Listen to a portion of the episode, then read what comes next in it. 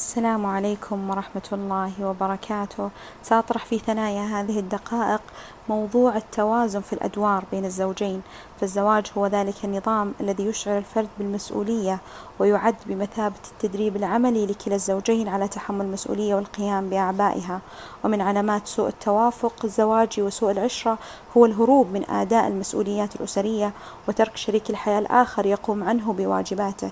فيعتاد أحد الطرفين على الاتكالية على الطرف الآخر للقيام بشؤون الأسرة.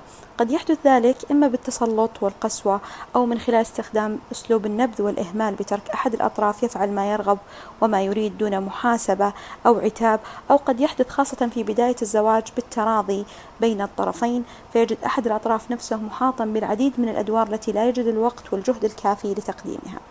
من خلال ذلك هناك عدة نصائح نود توجيهها للزوجين لتحقيق التوازن في الأدوار.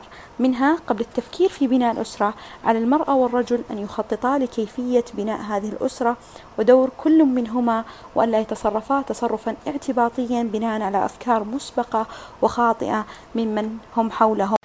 كذلك أن يتم تقسيم الأدوار بين الطرفين بحيث لا يتم إلغاء دور الآخر والاهتمام بالأعمال اليومية فهي مهما بدأت بسيطة فقد تتحول ضمنيا إلى نشوء خلاف بين الزوجين وأن لا يتدخل أحد الطرفين في مسؤولية الآخر ويترك له حرية التصرف في دوره ويجد من الطرف الآخر المساندة والتوجيه المستمر له. أسأل الله لي ولكم التوفيق.